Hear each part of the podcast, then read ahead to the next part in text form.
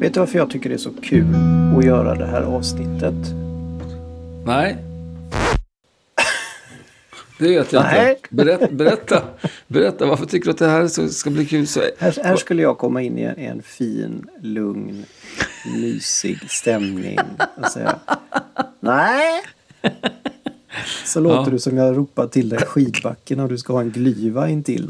Mm, Men nu håller jag på att skriva upp ett namn här. Så att om du ställer den där frågan om typ eh, tre sekunder igen. Nu kan du skriva den. Eller säga det. Du, Ja. vet du vad jag tycker är något av det roligaste med att göra ett avsnitt om gitarr och tonalitet? Mm, nej, faktiskt ingen aning. det är att gitarren har en sån helt galen bredd i sitt uttryck. Okej. Ja.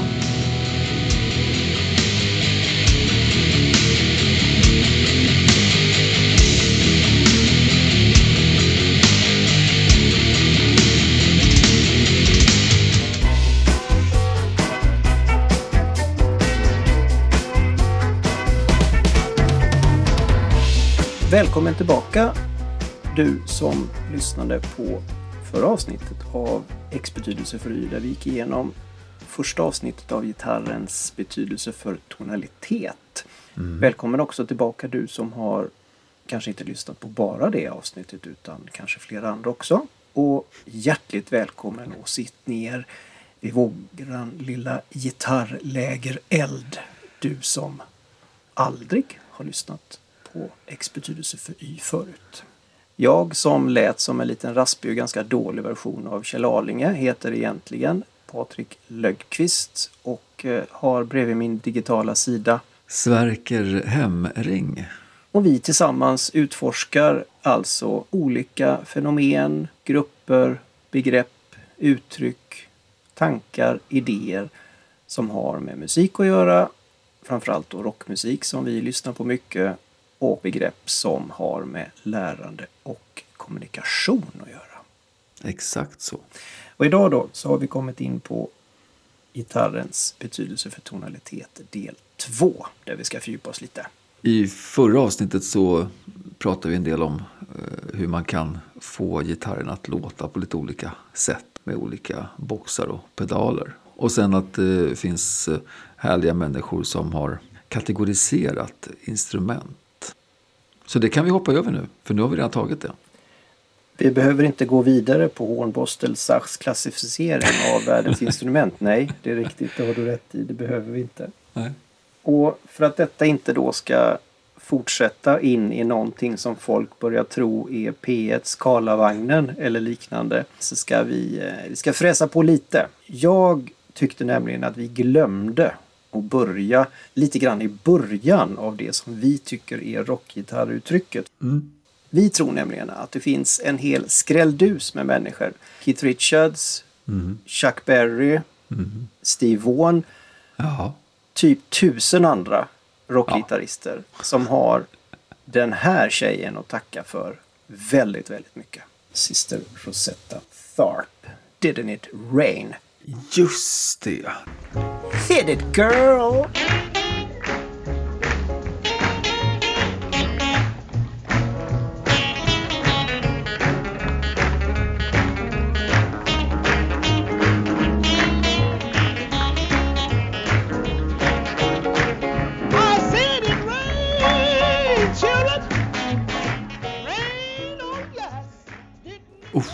Det där är ju så, så häftigt. Ja, hon är fullständigt kalas pucko bra alltså. Hon är dunder, dunder. Ja, det trodde man inte. Jag hade, ing, hade alltså...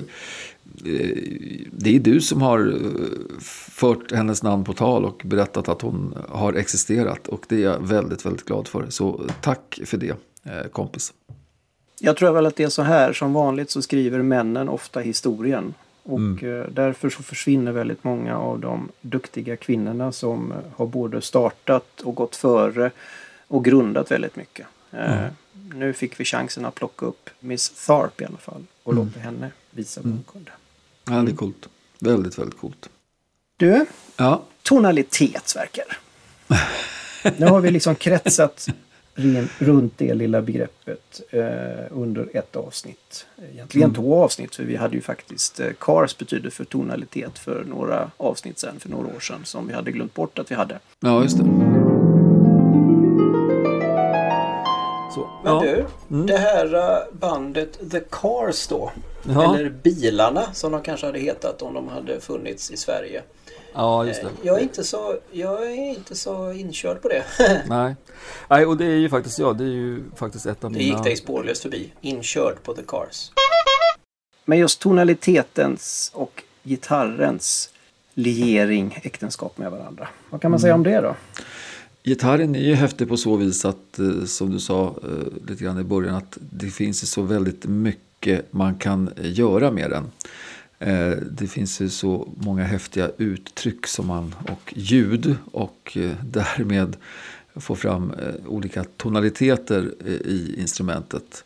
Det har ju sex strängar, ibland har det tolv. Och de där ska ju bilda då ackord eller melodislingor eller toner som ligger och vibrerar. Mm. Men eh, det här med tonalitet, man, man brukar ju faktiskt prata om att det finns lite olika gitarrljud som sätter det här med, med tonalitet. Som har blivit någon form av lite, inte, inte kanske standard, men det är någonting som man i alla fall kan samlas och prata runt ikring. Och nu ska du som kanske har lyssnat på de här avsnitten med Sverker lite tidigare. Han som pratar nu är ju inte ingenjör. Men jag måste säga det att jag hade önskat att det fanns någon som kunde säga den här tonen eller ljudet i en gitarr, det är 48. Det här ljudet är 67,4. Det blir roligare att prata om det men det blir också lite mer frustrerande. Ja, så är det. För vad är liksom, vad skiljer tight från chunky? Mm. Och vad skiljer dark från warm? Jo. Ja, det ska vi titta lite på nu.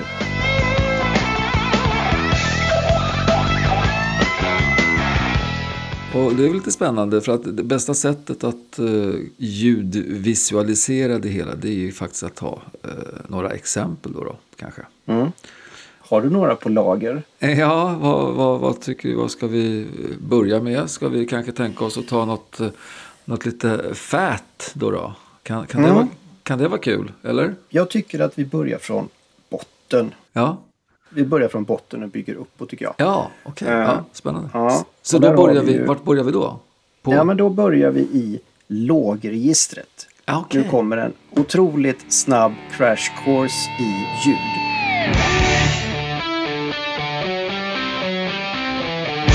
Man kan grovt dela in gitarrens tonalitet i låga toner ljud, mellantoner ljud och höga toner ljud. Och vi ska börja med de låga för det är någonstans det som vi skulle säga kanske bygger ljudet.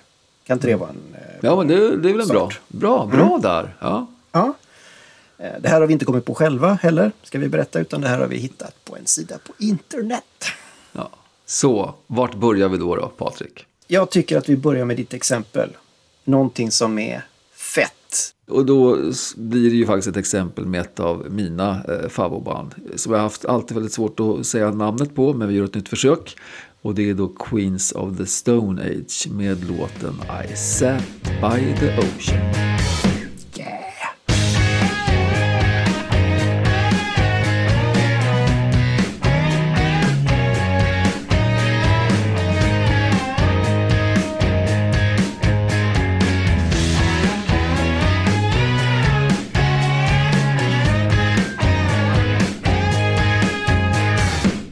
Det då som är fett? Vad är det då som är runt med den här? Ja, det är ju alltså det här det här eh, mustiga, det här eh, alltså volumösa, det här liksom det här ljudet. Det, det, det, dryper liksom i, i, i, eh, ampen. Ja, men det är som att gå ner, ja, men det är som att gå ner i en, en riktig rejäl gyttjepöl på något vis. Det är liksom, alltså det, det, det dryper om det på något vis. Ja, det gör det verkligen. Känner jag, tycker jag.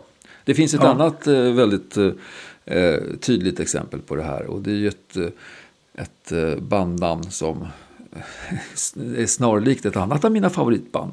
Eh, och det här är ju då, eh, jag vet inte ens hur man uttalar det, Kyss. Ja, jag tror de heter Kyss. Kyss. Jag tror det. Ja, Ja. med låten Green Machine.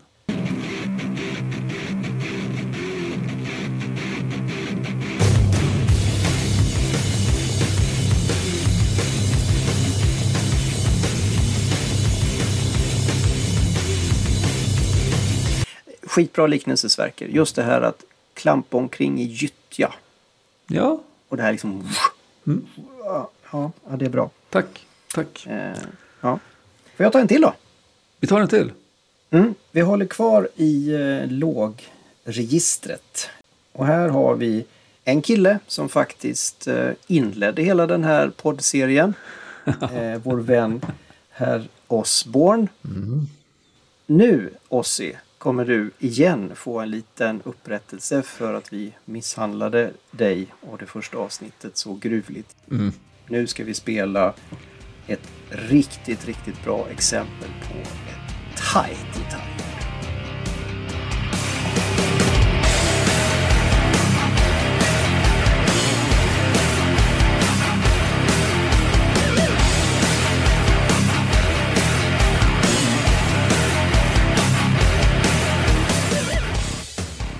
Men du Patrik, det här, Ja. liksom, skillnaden då mellan fat och tight. Hur, vad, vad tänker du, känner du att, att det är för någonting? Ja, men jag skulle säga att det, det just det tajta ljudet är mer ihophållet. Det är inte så det, det flösar inte ut. Nej. Utan det är mera det är lite stringentare, det är lite mera bett, lite mera aggression Mm. I det skulle jag säga. För det är det som är häftigt när man, när man sätter sig så här ändå och lyssnar för att jämföra och någon har satt liksom, ja, men det, här, det här är fat och det här är tight. Då kan man liksom, ja men ja, det finns ju en viss skillnad. Men skulle, skulle någon bara ha lirat, eller som jag har lyssnat, jag vet inte hur många gånger jag har lyssnat på uh, I don't wanna stop med, med Ozzy. Så skulle jag, om någon hade sagt till mig för, för ett år sedan, ja, men vad är det här för ljud? Jo men det här det är ett fett gitarrljud, hade jag sagt. Utan tvekan att det är liksom fett och sådär. Men så har någon sagt, ja det är fett men det är betydligt, eller det man har bestämt sig för att ändå, vilken, vad, vad den håller sig inom för ord så är det, det är tight. Så jag, jag, ty, jag tycker ju själv att det här är jättesvårt. Men därför är det så häftigt när man nu kan liksom försöka eh, penetrera det lite grann och liksom sådär skrapa på det och känna, men vad, vad faderutsingen är det då som är skillnaderna mellan de här ljuden? Det här är ju egentligen ganska likt eh, det som jag började lära mig när jag jobbade på Systembolaget för en massa år- sedan när man skulle eh, smaka på vin och Okej. bestämma sig för vad de smakade och luktade framför allt. Ja, ja, Där hade man ju allt ifrån cederträ, petroleum, gummi, eh, vi hade blommighet, Ja. vi hade pigg, vi hade fräsch och det var ju liksom bara va? Mm. Men sen så när man började komma in i det där så började man känna, oh men det här är nog ett ord som jag kan faktiskt hänga upp en smak på eller hänga Mm. upp en, en, en, en doft på. Och det... Jag tycker att det här, även om de kanske inte är sådär, de- de är ju väldigt konstnärliga orden. Det tycker jag väldigt mycket om. Jo, För det handlar ju då mycket om kommunikation, att man ska, någon ska knyta an en känsla i oss när vi, när vi hör ett tight gitarrljud till exempel. Och Jag, jag tycker det är ball att det faktiskt lite grann, jag tycker att det funkar i alla fall. Mm. Nej, men det är skitballt. Ska vi hacka i oss ett exempel till med tight? Ja, det gör vi ju såklart. Åh, Ja. det här är en, det är en riktig jätteklassiker. Det här är en jätteklassiker. Det är dessutom sista 60 sekunderna på mitt spinningpass. Oavsett hur trött jag är på tisdagar när jag har intervallträning med Jenny, den fantastiska spinninginstruktören, så lyckas man på något sätt alltid ta sig igenom de sista 60 sekunderna. Och det gör man på grund av det här.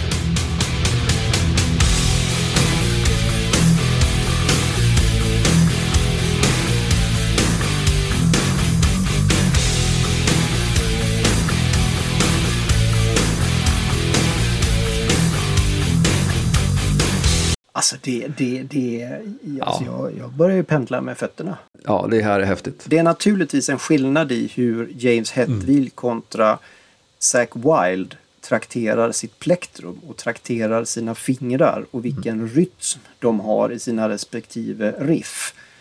Men det är ändå så att man kan faktiskt höra att det finns ganska distinkta likheter här mellan ljuden. I det att de känns tajta. Väldigt mycket mer aggressiva än det feta slash runda ljudet då. Jaha, ska Mm. vi hoppa på ett eh, tredje ljud då inom det här fat eller low-segmentet? Gör det. Eh, Då har vi då ett som heter chunky.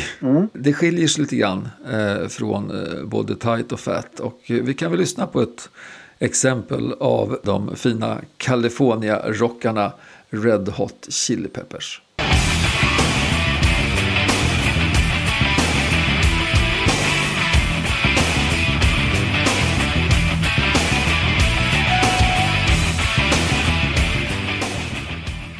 Ja men det här är ju fortfarande väldigt tungt. Det är Ja. väldigt mörka toner. Men väldigt mycket av ljudet byggs ju av plektrumhanden. Den som man spelar rytmen på strängarna med hjälp av. Men då går vi in på ett litet annat register kanske. Vi glider vidare. Mm, Nu går vi upp i mellanregistret. just det. I mellanregistret så börjar eh, den här personen som har klassificerat gitarrljuden med crisp. Alltså krispigt. Precis. Och ett väldigt, väldigt bra exempel på det är vår vän Stevie Ray Vaughan och hans Pride and Joy.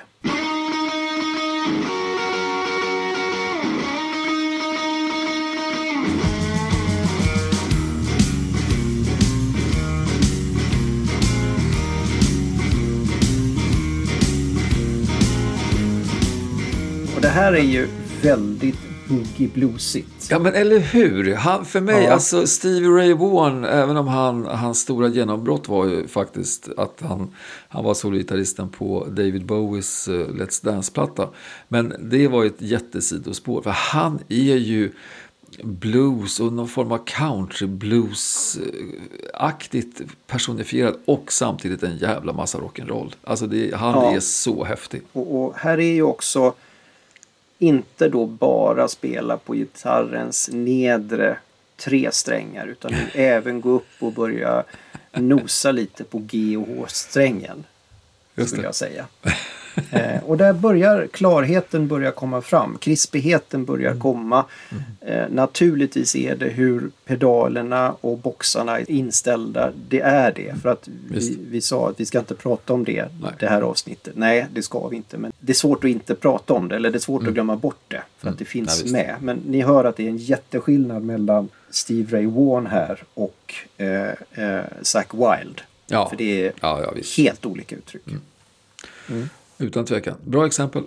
Om vi går vidare i mellanregistret då som är ett ganska brett register. Det finns både det som vi just har lyssnat på nu och vi har också den så kallade varma tonen, det varma ljudet.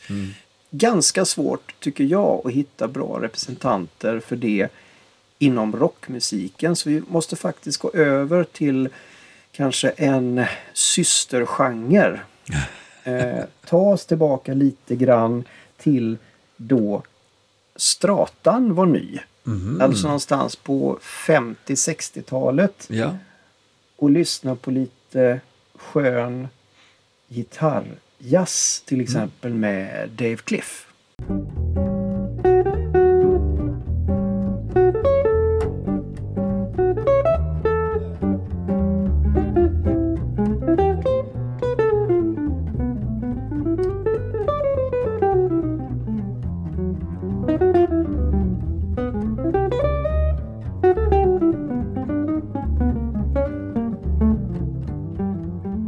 Ja, det här är varmt. Det är mysigt. Liksom. Ja, det, det här är sen kväll eller natt. Det är liksom av, det är, det är liksom slick, det är smooth, det skulle kunna vara alla möjliga olika jazzljud. Just det här ljudet är typiskt varmt ljud. Ja, men sen inom det här, det här mellanregistret så det är som du säger, det är väldigt brett.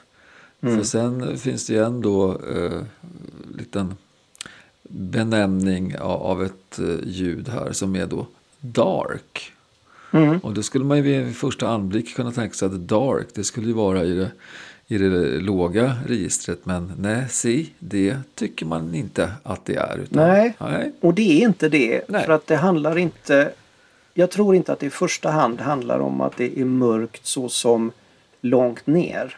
Utan att det är lite, lite dystert. Just det. Kan vara lite möjligen, inte ondskefullt men lite kanske otäckare eller någonting sånt. Också lite svårt tycker jag att hitta riktigt, riktigt bra Exempel. rockmusik med det. Mm, mm. Så att eh, där kommer vi att glida över lite grann på kanske vänstersidan eller högersidan beroende på var man står någonstans och tittar från jazzens håll. Och ta en eh, som spelar bra västern.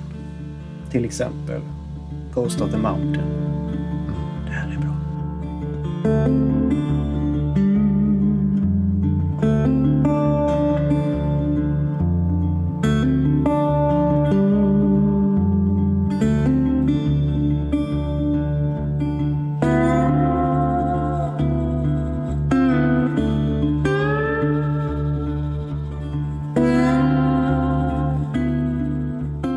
Först när man verkligen sätter sig och lyssnar på exempel som man liksom kan känna och eller höra eh, skillnaden på det. Jag tycker det här är så himla kul. Det är så kul att du har hittat det här eh, till, till det här avsnittet. Jag måste bara säga, det är alltså all heder och eh, credit till dig Patrik. Det här är grymt kul. Äsch! Har vi något fler exempel på mid? Jag tror det. Ja, Vi har en ton, ljud, som då vi kallar för throaty.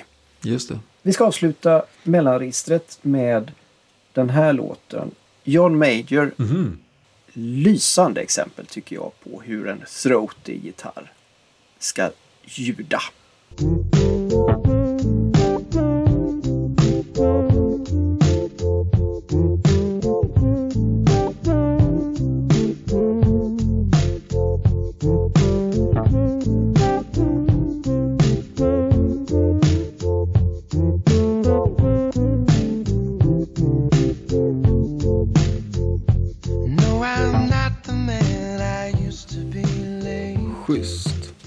Den översta nivån på gitarrens klassificerade ljud eller toner då är naturligtvis de höga ljuden. Och här har vi en eh, gammal kompis som vi plockade in i förra avsnittet. Som faktiskt är den som jag tror har uppfunnit det här ljudet, eller den här tonen som kommer nu. Alltså the brown tone.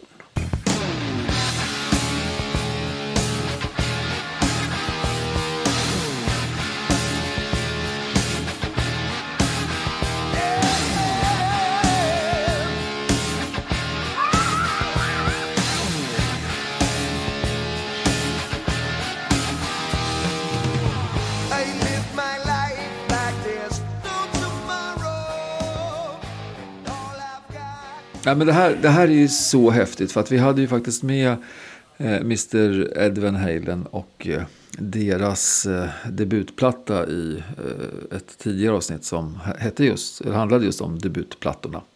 Eh, och då valde jag att inte ta den här låten som exempel. För, och det som är så häftigt med den här låten, det här är liksom första låten på deras debutplatta.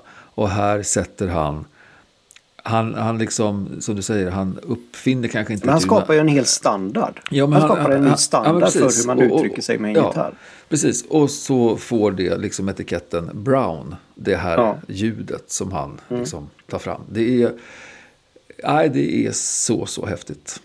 För er som inte vet vad Van Halens första låt på deras första LP heter så heter den Running with the Devil. Och jag var tvungen att läsa på lite för jag vet att du började prata om att Eddie Van Halen eh, brände massa ehm, Det var ju Marshalls äh, rör, Precis. rörförstärkare. Alltså Exakt, så han brände ju rör hela tiden. Eh, och det gjorde han för att han försökte mixtra med volttalet i, i, sin, i sin förstärkare för att få fram ett annat ljud. Just det. Normalt sett så låg den på 89 men han fläskade upp det till 120. Okej. Kan det stämma? Det, det kan säkert stämma. Att, Eller att, var det tvärtom? Nej, men alltså, det handlar väl om att man skulle över, överstyra det för att få, få det här ljudet. Liksom. Och det var ju då Ja. de gick åt helvete. Liksom. Att man Ja. körde slut på dem. Och nu kan man ju naturligtvis köpa en liten box. Och så vrider man lite och så är man sin egen Ed Van Halen. Ja, exakt så. Men här kan vi också höra då att det är ju helt annat tonregister, helt annat omfång på det man spelar. Och även om det då är en så kallad hög ton eller ett högt ljud. För jag tycker ändå att det här Brown, det är ju, han har ju en fläskighet i, och i ändå att det är så mycket, de här höga tonerna, alltså det här treble.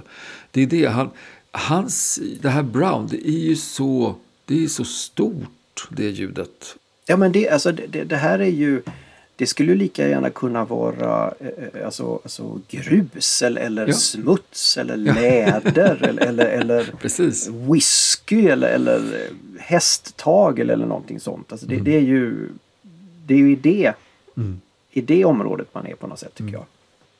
Över till någonting helt annat. Ja, Ljudet eller tonen bite. bite.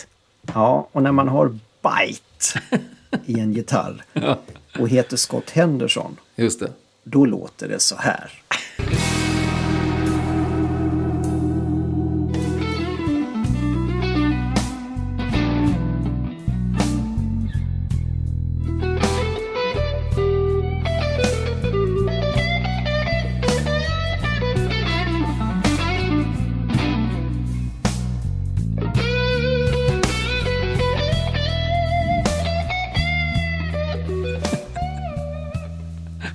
Det här är... här är alltså, här får man passa sig och inte stå för nära scen. För då fan, Mm, då hugger det. då får man huggmärken i öronen. Scott Henderson, en artist som jag har hört väldigt, väldigt lite av. Men jag tycker en fantastisk, eh, fantastisk gitarrist alltså. Återigen, det finns så mycket bra gitarrister och har funnits där ute. Ja, så vi, vi, vi skrapar någonstans bara på ytan och så gör vi små nålstick ner lite här och där i Mm. gitarren och gitarristernas historia. Ja. Avslutningsvis då, i den Ja. här lilla tonalitetsklassificeringsövningen så ska vi ta in ytterligare en artist som kanske inte riktigt är, jag vet inte om man kan säga att han är rock. Han, han, han är väldigt, skulle jag säga, vid sidan av. Möjligen så är han progressiv rockare. Mm. Det skulle jag säga också, faktiskt. Ja. Mm. Han kommer nu att företräda en ton som heter clean. Och lyssnar man på den här, Punkadiddle, Mike Oldfields mästerverk, så tycker jag åtminstone att man blir nästan full i skratt för hur cleant ett gitarrljud kan låta.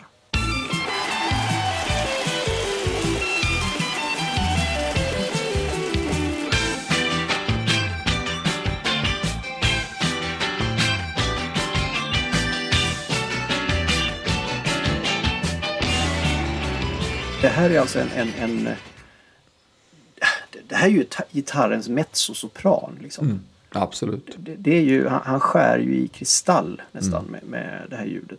Men han är ju också en, en fascinerande gitarrist eh, och väldigt Ja. speciell. För, för mig så är ju Mike Oldfield, han är ju väldigt mycket filmmusik. Eh, och allra extra mycket eh, Exorcisten, eller till filmen Exorcisten som han, hans låt Tubular Bells eh, var liksom ledmotivet.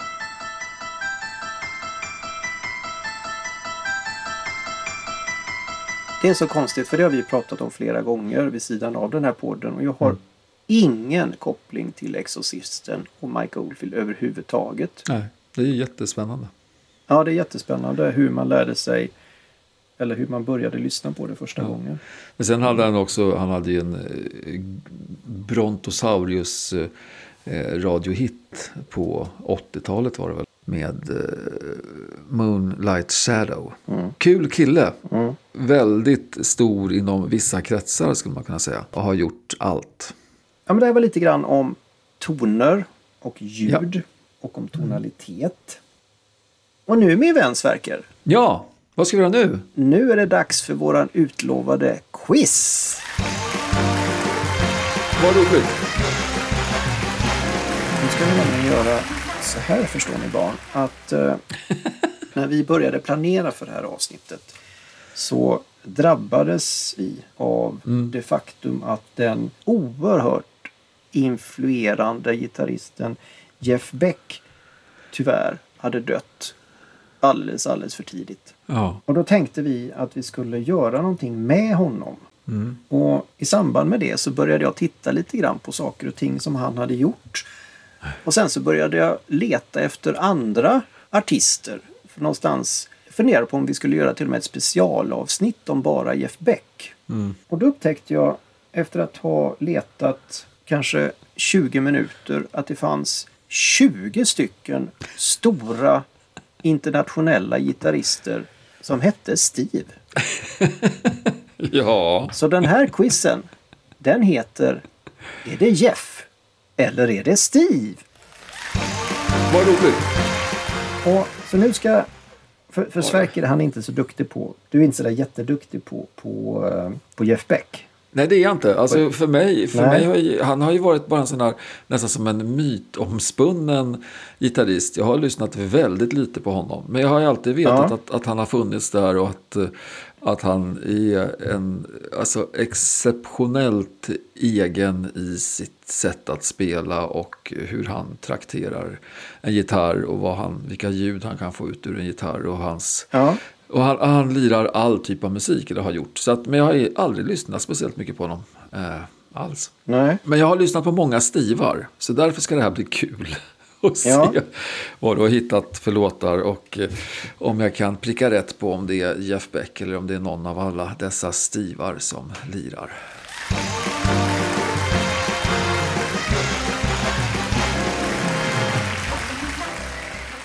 Nu kör vi.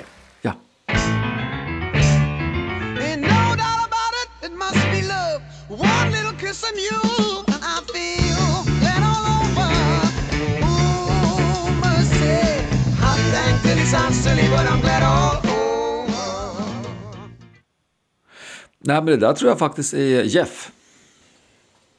Det är rätt!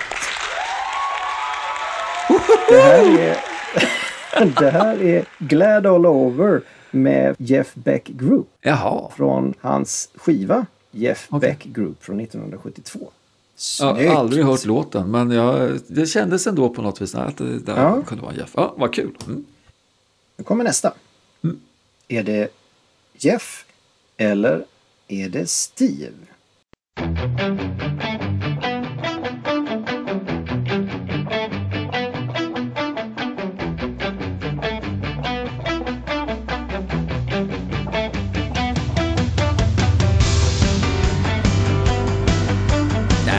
Där måste ju vara Steve. Det där måste till och med vara Steve Lukather, tänker jag, i Toto. Oh, du är ju en... Åh, vad du är duktig! Jag trodde inte att du skulle ta det, men du är mycket bättre på honom än vad jag är. Ja, nej, det, var Eh. däremot, det var inte direkt någon låt eller melodi som jag kände igen, men soundet, inte minst faktiskt när trummorna kom in. Så att, eh, mm. Ja, det Ja, var okej. faktiskt eh, Spirit of the Moonrise Okej. Ja. med Steve. Steve Lukather. Eh, Ja. Okej. Det här kanske... Ja, vi får se. Mm.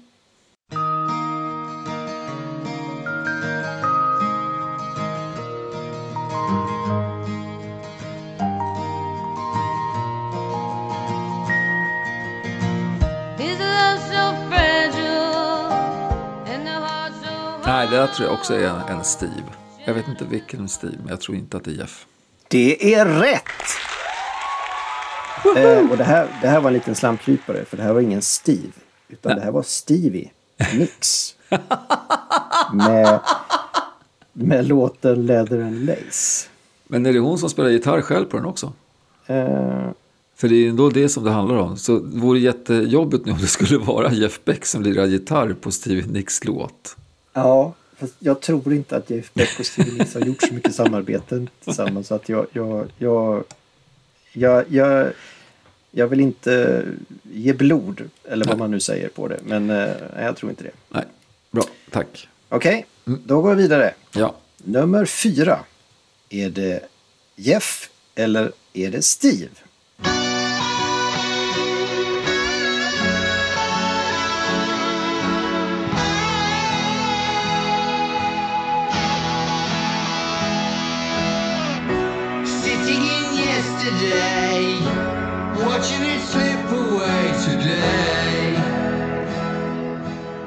Jag tror faktiskt att det här är Jeff Beck och med en av hans sista inspelningar som han gjorde på Ozzy Osbournes eh, senaste skiva.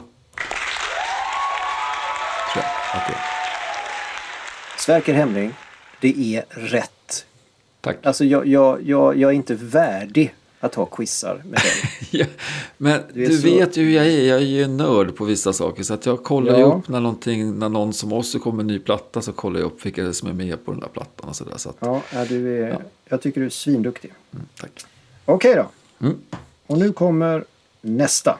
Den sista. Okej. Är det Steve eller är det Jeff?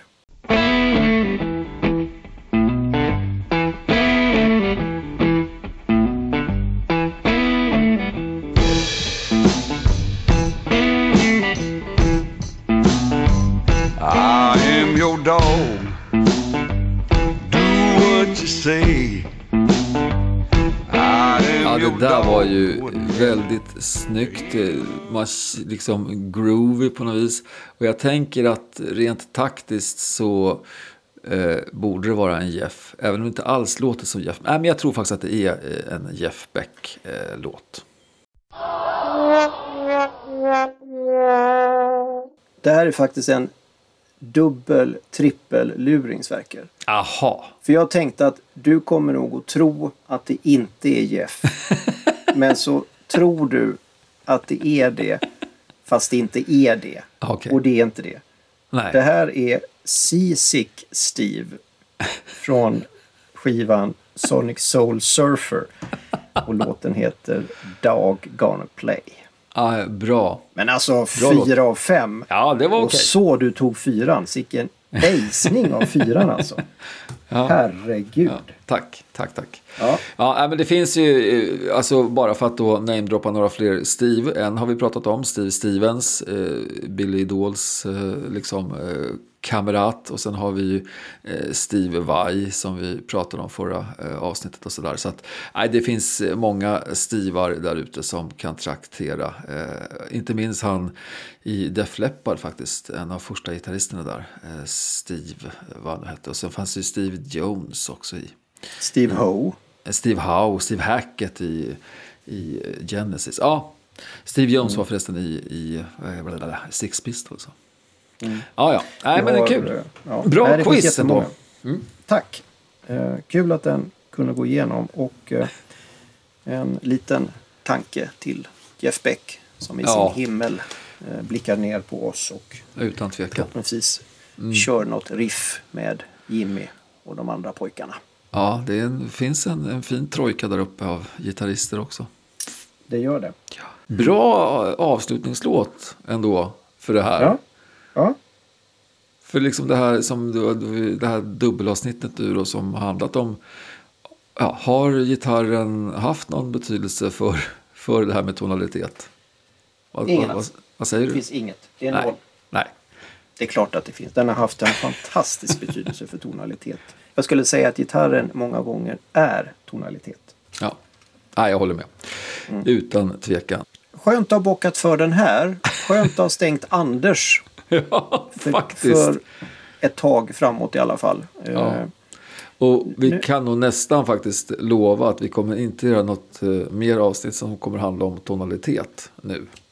nej, Nej, det tror jag inte heller. Om vi stänger den dörren faktiskt. Eh, för nu ska vi ju nämligen tillbaka till Grottekvarnen igen. Ja, men det ska vi faktiskt. Nu ska vi ta fram våra kuvert med eh, våra små grupper och eh, våra ämnen inom... Jag har, kära lyssnare, jag har, jag har bytt studio för att jag får inte ha kvar min studio i vårt allrum. Utan jag har fått sätta mig någon annanstans idag.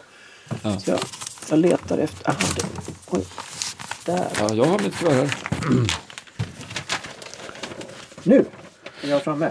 Vad, vad, vad, skulle, vilket, vad skulle jag dra?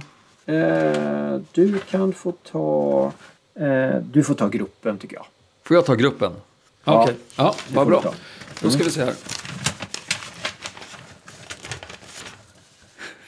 Är det nya lappar också?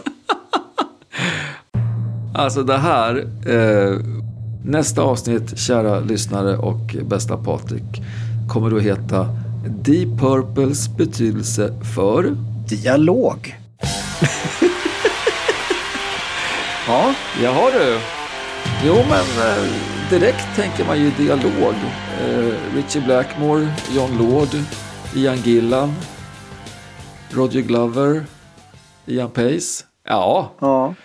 David Coverdale kom väl in där också i Deep Purple och någon liten Glenn Hughes. Det finns mycket Ja. dialoger där faktiskt, skulle man kunna säga. Men det, det är de Det- som har gjort Smoke on the Water va? Jag skojar, jag visste det. Ja, men det här blir kul. Eh, det här blir kul.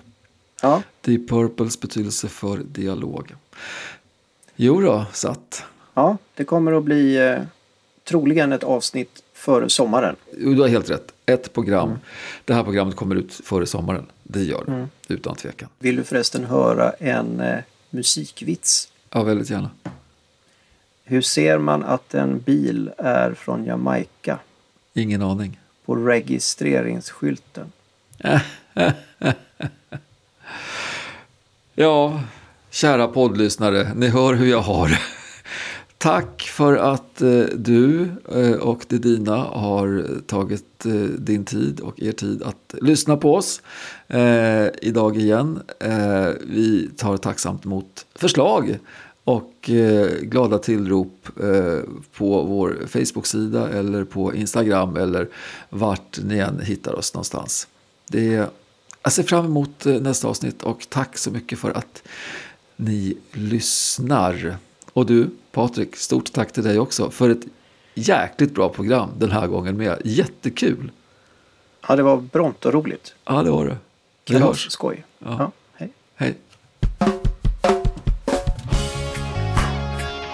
40 det.